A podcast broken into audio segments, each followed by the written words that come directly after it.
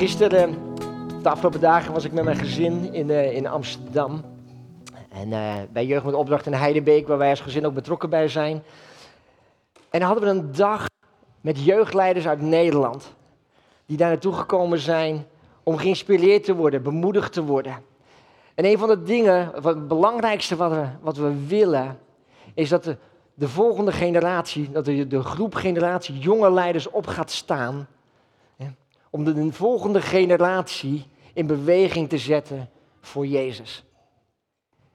De volgende generatie in beweging te zetten voor Jezus.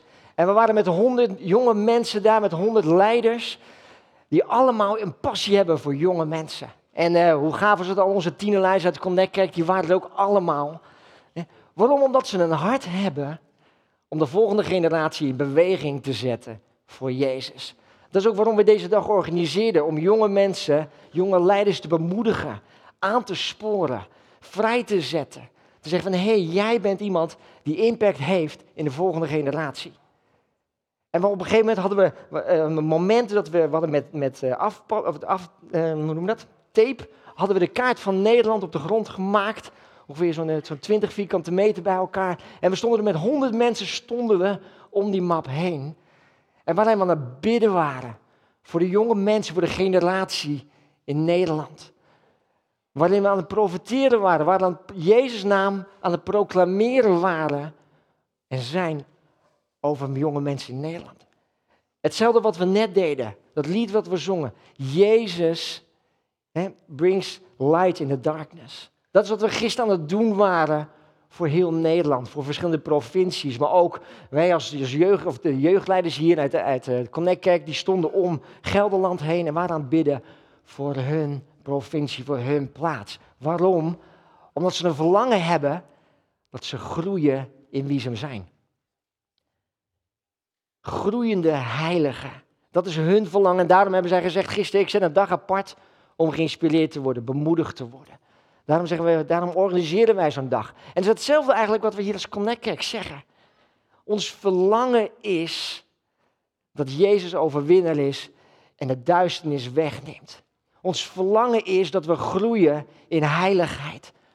Zodat er een generatie in beweging gezet wordt om Jezus op de eerste plek te zetten. Dat is waarom we vandaag bij elkaar gekomen zijn. Om te groeien in heiligheid. Een van de vijf pijlers die we als Connect hebben. Groeiende heiligen. En ik wil jullie vandaag ook meenemen in een stukje uitleg van wat betekent het nou om een groeiende heilige te zijn. En dat wil ik doen aan de hand van het Bijbelgedeelte in Johannes 4. Dus als je je Bijbel bij je hebt, mag je die even erbij pakken. En ik zou zeggen, ik ben normaal gesproken niet zo van de drie punten preek. Maar Johannes 4 heeft Jezus een gesprek met iemand. En het is een drie wat hij heeft. Met deze vrouw in Samaria bij de put. Dus dan weet je dat alvast. Ik ga vandaag drie punten bespreken. Ja? Vanaf, vers, eh, vanaf vers 4. Oh nee, vanaf vers 1 ga ik lezen.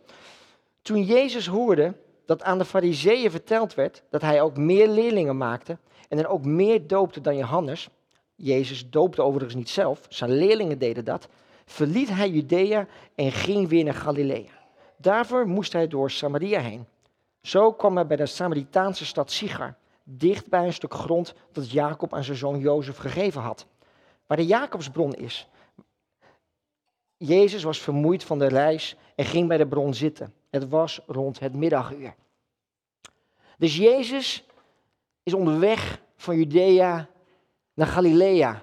Heeft ongeveer al, als je daar aankomt, zo'n 75 kilometer hebben ze opgetrokken met zijn discipelen. En hij weet, ik ben onderweg naar Galilea. Dat is ongeveer nog zo'n 75 kilometer. Wat alleen niet gebruikelijk is, was in die tijd, is dat ze door Samaria heen trokken. Want Samaria, waar de Samaritanen woonden, dat was een vijandig gebied. Zo'n 700 jaar voor Christus waren de Assyriërs er geweest en die hadden alle Joden meegenomen. En er waren een aantal Joden achtergebleven. Maar andere volken kwamen in dat gebied terecht en die mengden zich samen met, met de Joden. Waardoor de, de, de echte Joden dachten, ja, dit zijn niet meer zuivere Joden. Deze zijn gemengd met andere geloven, met andere volken. Ze geloofden wel een stukje van de Torah, dus de eerste vijf boeken van, van Mozes. Maar andere boeken, andere psalmen, die werden niet als waarheid aangenomen door de Samaritanen. Dus de Joden wisten, ja, de mensen in Samaria, Samaria het zijn maar, maar, maar net niet. En dus was er ook een soort haat, een tweestrijd tussen die twee gebieden, waardoor de Joden ervoor kozen om eigenlijk om te lopen. Niet door Samaria heen te gaan. Maar in dit geval koos Jezus ervoor om door Samaria heen te gaan. En we weten ondertussen, als we de Bijbel kennen, als je Jezus kent, Jezus doet nooit iets zonder reden. Dus hij wist, ik ga een vijandig gebied in, een plek waar mensen wonen, waar mijn discipelen eigenlijk van zeggen, ja, daar wil ik eigenlijk helemaal niet mee te maken hebben. Maar hij ging er wel doorheen. En dan lezen we verder in vers 7. Toen kwam er een Samaritaanse vrouw waterputten. En Jezus zei tegen haar, geef mij wat te drinken. Zijn leerlingen waren namelijk naar de stad gegaan om eten te kopen. De vrouw antwoordde, hoe kunt u als Jood mij om drinken vragen? Ik ben immers een Samaritaanse. Joden gaan namelijk niet met Samaritanen om. En Jezus zei tegen haar, als u wist wat God u wilt geven en wie het is die u erom vraagt, zou u erom vragen en dan zou, u, u, zou hij u levend water geven. Maar heer, zei de vrouw, u hebt geen emmer en de put die is diep. Waar wilt u dan levend water vandaan halen? U kunt toch niet meer dan Jacob, onze voorvader? Hij heeft ons die put gegeven en er zelf nog uit gedronken. En ook zijn zonen en zijn vee. Iedereen die dit water drinkt, zal weer dorst krijgen, zei Jezus. Klinkt logisch natuurlijk. Maar wie het water drinkt dat ik hem geef, zal nooit meer dorst krijgen. Het water dat ik geef, zal in hem een bron worden waarvan water opwelt dat eeuwig leven geeft.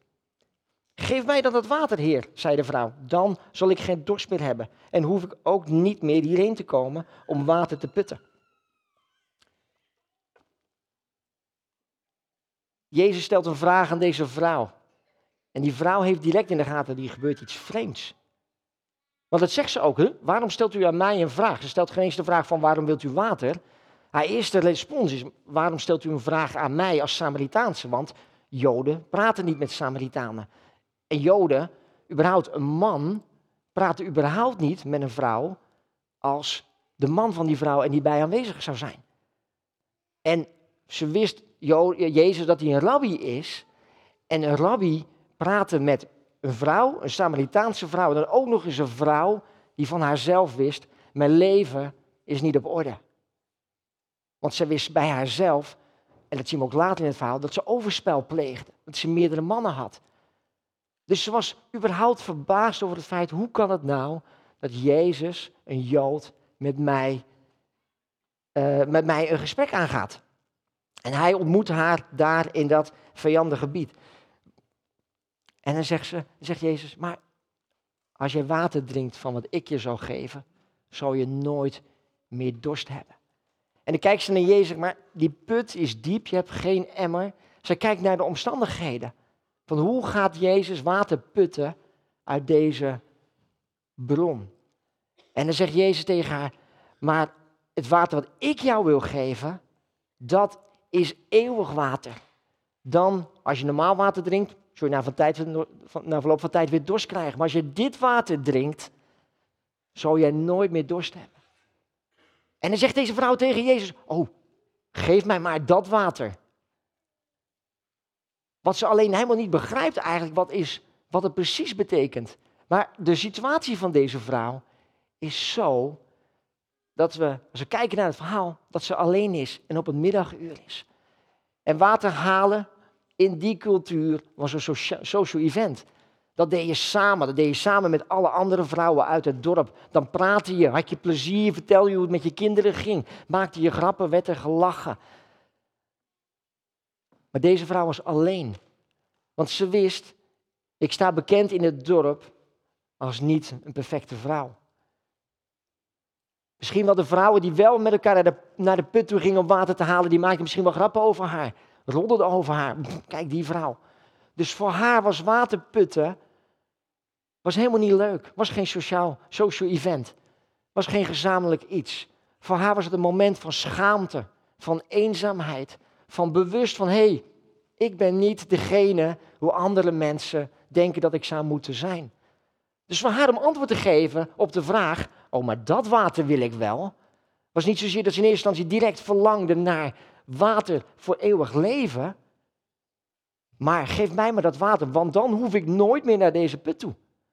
Dan hoef ik nooit meer in mijn eentje door die schaamte heen te lopen op het heetst van de dag. Wanneer er geen andere vrouwen zijn die, die dan over mij praten of dat ik in ieder geval niet hoor. Van ah, dat is lekker. Dan hoef ik nooit meer door dat proces heen. Dan hoef ik nooit meer dat te horen. Want dan kan ik lekker verschuilen, mezelf verschuilen in mijn huis. Dan kan ik me verbergen. Want ik, heb, nou, ik weet namelijk, ik heb nooit meer dorst, want ik heb altijd eeuwig water. Maar dat is niet wat Jezus tegen haar wil zeggen. Want waar de vrouw kijkt naar de put, naar de diepte, zegt Jezus niet, er is water, eeuwig water in deze put, maar Jezus heeft er is eeuwig water bij de bron en dat is zijn vader. Waar de vrouw naar beneden kijkt naar haar put, zegt Jezus, maar kijk maar naar boven. En dat is het eerste punt van Jezus spreek. Dat hij in eerste instantie wil zeggen, kijk niet naar de put, naar je omstandigheden, maar kijk naar de bron. Wil jij leven gaan ontvangen vanuit de bron, vanuit God? Jezus geeft helemaal geen antwoord op de eerste vraag van, je, van, van de vrouw. Hoe gaat u water putten? Want Jezus is, doet vaak wat anders dan dat wij vragen. Maar die Jezus ook misschien wel ons wil leren van hé, hey, wil jij de regie over jouw vragen loslaten en wil je gaan ontvangen wat ik wil jou wil geven? Wil je niet kijken van hé, hoe ga je dat doen zonder emmer en die put is diep? Daar wil ik antwoord op. Jezus zegt nee, ik stop even die vraag. Ik wil het hebben met jou over ga je water halen uit de bron. Dat is wat Jezus in eerste instantie wil doen. En daar begint het proces van groeiende heiliger.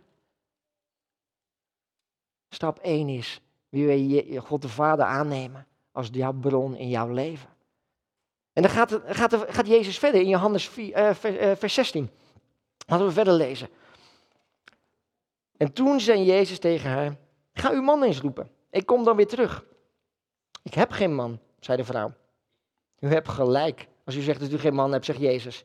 U hebt wel vijf mannen gehad en degene die u nu hebt is uw man niet. Wat u zegt is waar. En daarop zei de vrouw, vrouw nu begrijp ik, Heer, dat u een profeet bent. Dus Jezus verandert ook hierin weer van onderwerp. Hij zegt, hé, hey, ga die man eens halen, ga uw man eens halen.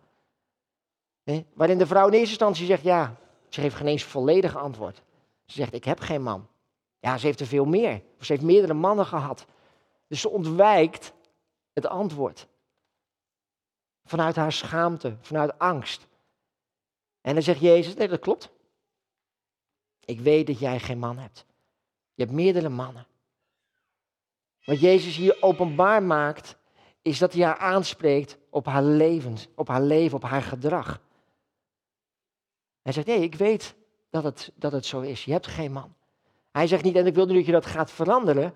Maar de vrouw merkt direct, nu begrijp ik, nu weet ik het zeker, u bent een profeet.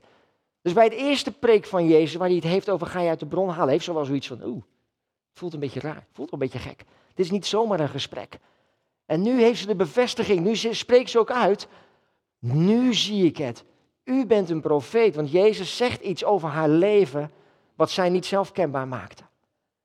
En door te zeggen, u bent een profeet, accepteert, herkent en erkent ze zijn autoriteit.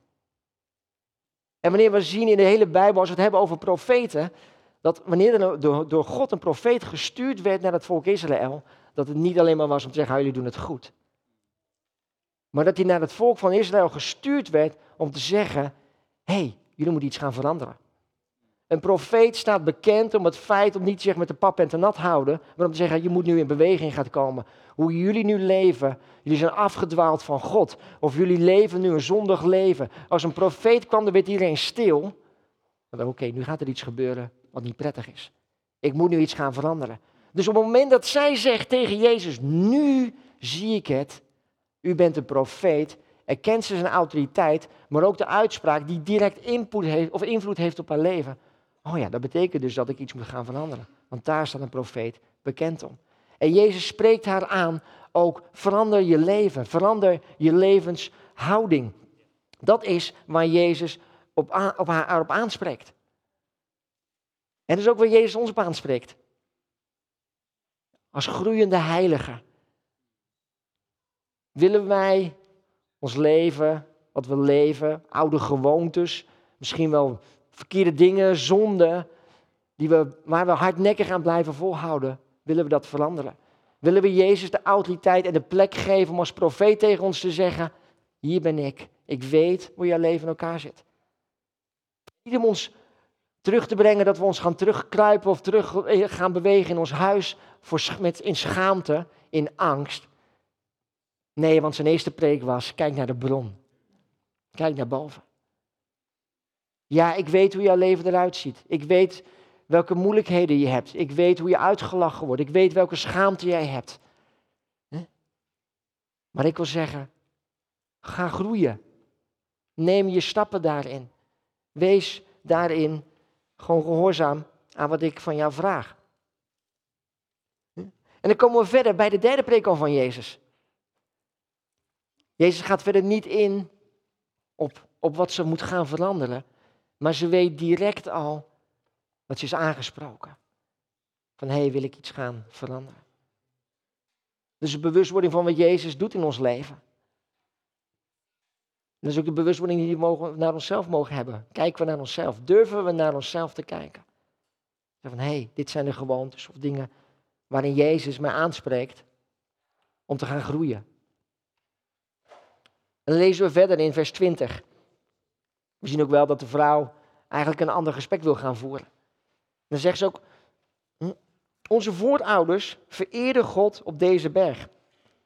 En bij u zegt men dat in Jeruzalem de plek is waar God vereerd moet worden. Geloof me, zei Jezus, er komt een tijd dat jullie nog op deze berg, nog in Jeruzalem, de Vader zullen aanbidden. Jullie weten namelijk niet wat je vereert, maar wij weten dat wel. De redding komt immers door de Joden. Maar er komt een tijd, en die tijd is nu gekomen, dat wie de Vader echt aanbidt, hem aanbidt in geest en in waarheid. De Vader zoekt die hem zo aanbidden. Want God is geest, dus wie hem aanbidt, moet dat doen in geest en in waarheid. Deze, vrouw, deze vraag komt niet zomaar uit het niets van de vrouw. Dit is een, een meningsverschil wat de Samaritanen en de Joden al zo'n 170 jaar lang hebben. Want de Samaritanen wilden ook God aanbidden. En die wilden eigenlijk de tempel bouwen in Samaritaans grondgebied. Herbouwen. En waarvan de Joden gezegd hebben, nee, Jeruzalem is de plek. En er is oneenigheid over ontstaan. Van wat is nou de juiste plek waar wij God moeten aanbidden. En de Samaritanen kozen ervoor de berg waar Jezus is. Op dat moment met de Samaritaanse vrouw.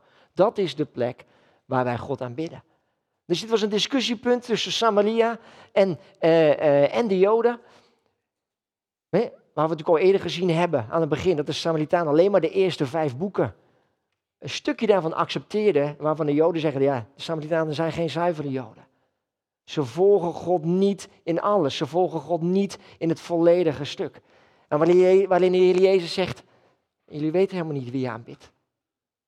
Jullie aanbidden misschien wel in geest, met een hart om God te aanbidden, maar niet in waarheid. Omdat jullie niet deze andere psalmen, deze andere boeken willen accepteren waar Gods karakter en Gods natuur in staat. Jullie kennen niet het volledige plaatje. En waarin, Jezus, waarin de Heer Jezus zelfs ook wijst naar de Joden in Jeruzalem. Want ja, in Jeruzalem hadden ze natuurlijk de Joden wel de volledige boeken, de volledige psalmen, wat ze gehoorzaamden. Maar ze deden dat vanuit plichtsbesef. En niet vanuit een hart en hartsbesef om God daadwerkelijk te bidden in Jeruzalem.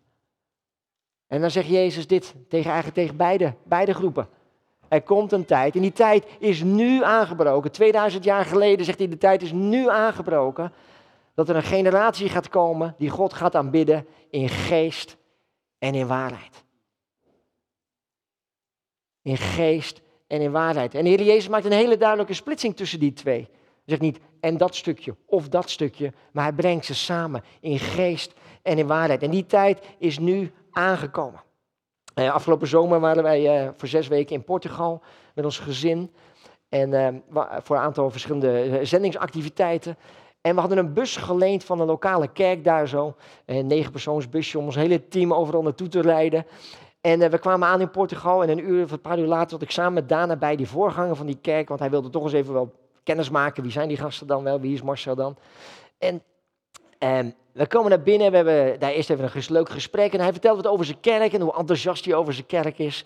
En hoe ontspannen het is. En, eh, en hij zegt, ja, we zijn een hele relaxe kerk. En iedereen komt lekker in zijn korte broek binnen. Portugal is natuurlijk lekker warm. Dus iedereen, lekker, gewoon lekker, iedereen is lekker zichzelf. En, eh, en aan het eind van het gesprek vraagt hij nog aan mij van, ja, eh, onze aanbiddingsleiders die kunnen niet zondag. Dat was een paar dagen van tevoren. En hij zei, ja, zou jij de aanbidding willen leiden zondag? Ehm, nou, er is een reden dat ik niet gevraagd om het hier te doen. Eh, Het is gewoon niet mijn ding, aanbidding leiden. Ik kan prima muziek spelen, ik, kan ook, ik zing niet vals, maar eh, weet je, mooi is het niet. Maar goed, ik wist, weet je, Suzanne die kan hartstikke mooi zingen. Eh, En wij, wij worden, weet je, mochten de bus lenen, dus laten we wat terug doen. Dus ja, oké, ik zei ja. Ik denk, oh nee, daar gaan we weer. Oké, ik, ik leid de aanbidding wel samen met Suzanne. Dus op zondagmorgen eh, worden wakker. Het is Portugal 35 graden. Dus eh, ik kleed me aan, doe mijn korte broek aan, want ik had gehoord. Iedereen komt in zijn korte broek naar de kerk, zo lekker ontspannen en vrij zijn we wel. En Suzanne kijkt me aan en die zegt, ga je in je korte broek naar de kerk? Ik zeg, ja, dat is, dat is wat hij zei. En, en, en ik keek Daan aan en Daan zei, ja, ja, ja, dat is echt wat hij zei. Dus, eh, dus heel relaxed. Dus eh, ik zeg, ja, dat ga ik dus ook doen. Ja, nou, prima. Dus Suzanne, nou, dat kun je niet maken. Ik zeg, ja, maar het is wel wat hij zei. Dus wij naar de kerk. Eh, ik aan binnen geleid, samen met Suzanne. eh, in mijn korte broek. En we gaan zitten en hij begint te preken, de voorganger. En midden in zijn preek zegt hij op een gegeven moment, ja, ik zat tijdens de aanbidding, dat ik eh, vanaf mijn plek, en ik keek naar Marcel, en ik keek hem, en hij was en stond er in zijn korte broek. En ik dacht, oh nee. Ik kreeg een por in mijn zij van Suzanne. Zie je hem wel? Kun je niet maken. En ik dacht, oh nee, echt verkeerde keuze dus gemaakt. En hij begon te vertellen van ja, ja, dan staat er daar iemand in zijn korte broek aanbidding te leiden, God groot te maken en ons, me- ons mee te nemen in zijn korte broek. En ik dacht bij mezelf echt wel van, ik dacht, oh nee, nu komt het. Ja, het kan. Want het gaat niet zozeer wat hij draagt, maar het gaat om zijn hart. Oh, Suzanne kreeg een port terug. Het gaat niet zozeer wat je draagt of hoe je je gedraagt. Het gaat om wie je bent. Alleen het mooie is wat Jezus hier zegt. Hij zegt nee, het gaat niet om wat je draagt. Ik breng het een stapje hoger, naar een volgende level. In geest en in waarheid. Want dat is alleen wel wat anders hoe we hier, hoe we hier staan. Aanbidding begint niet extern. Aanbidding is iets wat moet groeien vanuit je hart, vanuit een intrinsieke motivatie. Het, maakt niet uit. misschien denk je, ja, het moet wel de juiste sfeer zijn om God te aanbidden. Het moeten wel de juiste liedjes zijn die er gezongen worden om God te aanbidden. Of ik vind het nummer eigenlijk helemaal niet zo leuk. Of eh, ik vind deze aanbiddingsleider helemaal niet zo leuk. Lieve mensen, daar gaat het niet om. Sorry dat ik dat moest zeggen. Ik hoop niet dat je vanmorgen die gedachte gehad hebt en tijdens de aanbidding gedachte bij jezelf. Oh ja, dit nummer ken ik niet. Of, eh, nou het klonk super mooi, maar misschien vond je het zelf niet klinken. Daar gaat het niet om. God roept ons op, Jezus roept ons op om te aanbidden in geest en in waarheid vanuit een intrinsieke motivatie met het verlangen. Ik ben hier vanmorgen gekomen om Hem groot te maken. Ik wil gaan staan, mijn armen wijd doen. Dat is, het, dat is wat we hopen, waarmee je met dat verlangen vanmorgen hier naartoe gekomen bent. Want dat is ook het proces van groeiende heiligen zijn. Durven uit te stappen om te zeggen, ik wil deze God aanbidden. In geest en in waarheid. En maar wat betekent het dan als we God gaan aanbidden in geest in eerste instantie? We zijn ons bewust dat we hebben God de Vader, God de Zoon en de Heilige Geest. En dat we de Heilige Geest ontvangen hebben. En ook dat we door de Heilige Geest heen ons bewust zijn welk offer God gebracht heeft. Dat Hij zijn Zoon Jezus gegeven heeft. Zodat wij een relatie met Hem mogen hebben. Dat is wat de Heilige Geest onder andere doet. Dat is wat we mogen als we aanbidden in geest, ons bewust van mogen zijn. Dat we door die geest Ons bewust mogen zijn van het offer wat God gebracht heeft. Aanbidding in de geest is dat we gericht zijn op God en niet op onszelf. Niet dat je een aanbidding kunt ontvangen van, oh, dit wil ik graag ontvangen. Maar aanbidding doen we om God te geven wat Hij verdient. We mogen onder de indruk zijn van Gods heerlijkheid, van Gods majesteit, van Gods soevereiniteit, van Zijn kracht, van Zijn werking. Daar is waar we zo van onder de indruk mogen zijn dat we kunnen zeggen, alles wil ik u geven. Daarin wil ik aanbidden. En dan mag je soms een huilen uitbarsten, omdat je gewoon zo emotioneel wordt van het feit, dit is wel een waanzinnig mooie God. Deze God wil ik dienen. En dan hoef je je niet te schamen voor de mensen om je heen.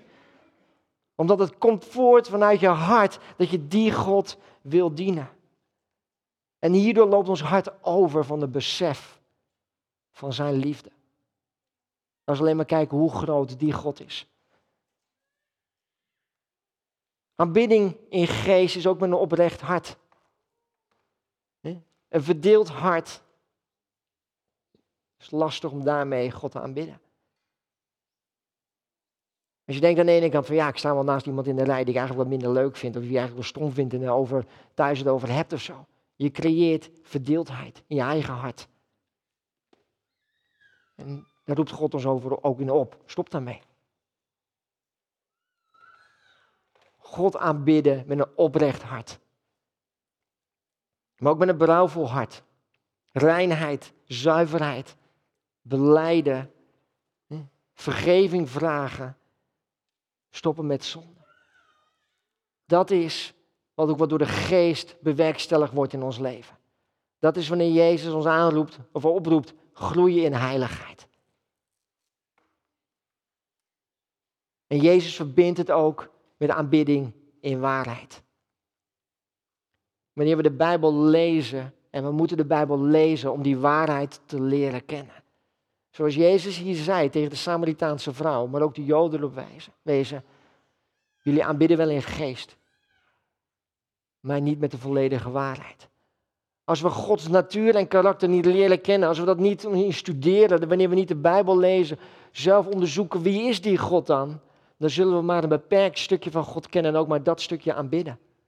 Maar God is veel meer dan dat. Echte aanbidding is een respons van lofprijs, aangemoedigd door de waarheid die God in ons openbaart, door zijn Heilige Geest.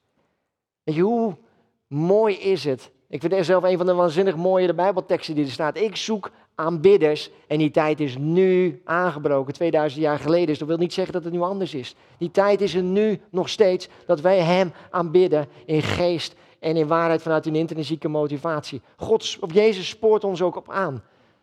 Als zijn derde preek. Als zijn, van, van, van dit verhaal wat hij heeft met deze vrouw. Deze vrouw gaat van, put, van de put naar de bron. Naar levensveranderende keuzes naar een aanbidder in geest en in waarheid. Zij groeit in heiligheid.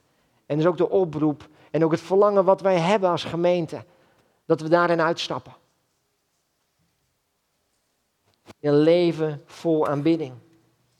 Is jouw denken, jouw spreken, jouw handelen, jouw leven gericht om God te aanbidden? Want dat is wat hij aan de vrouw vroeg, uiteindelijk. Zonder de vraag te stellen.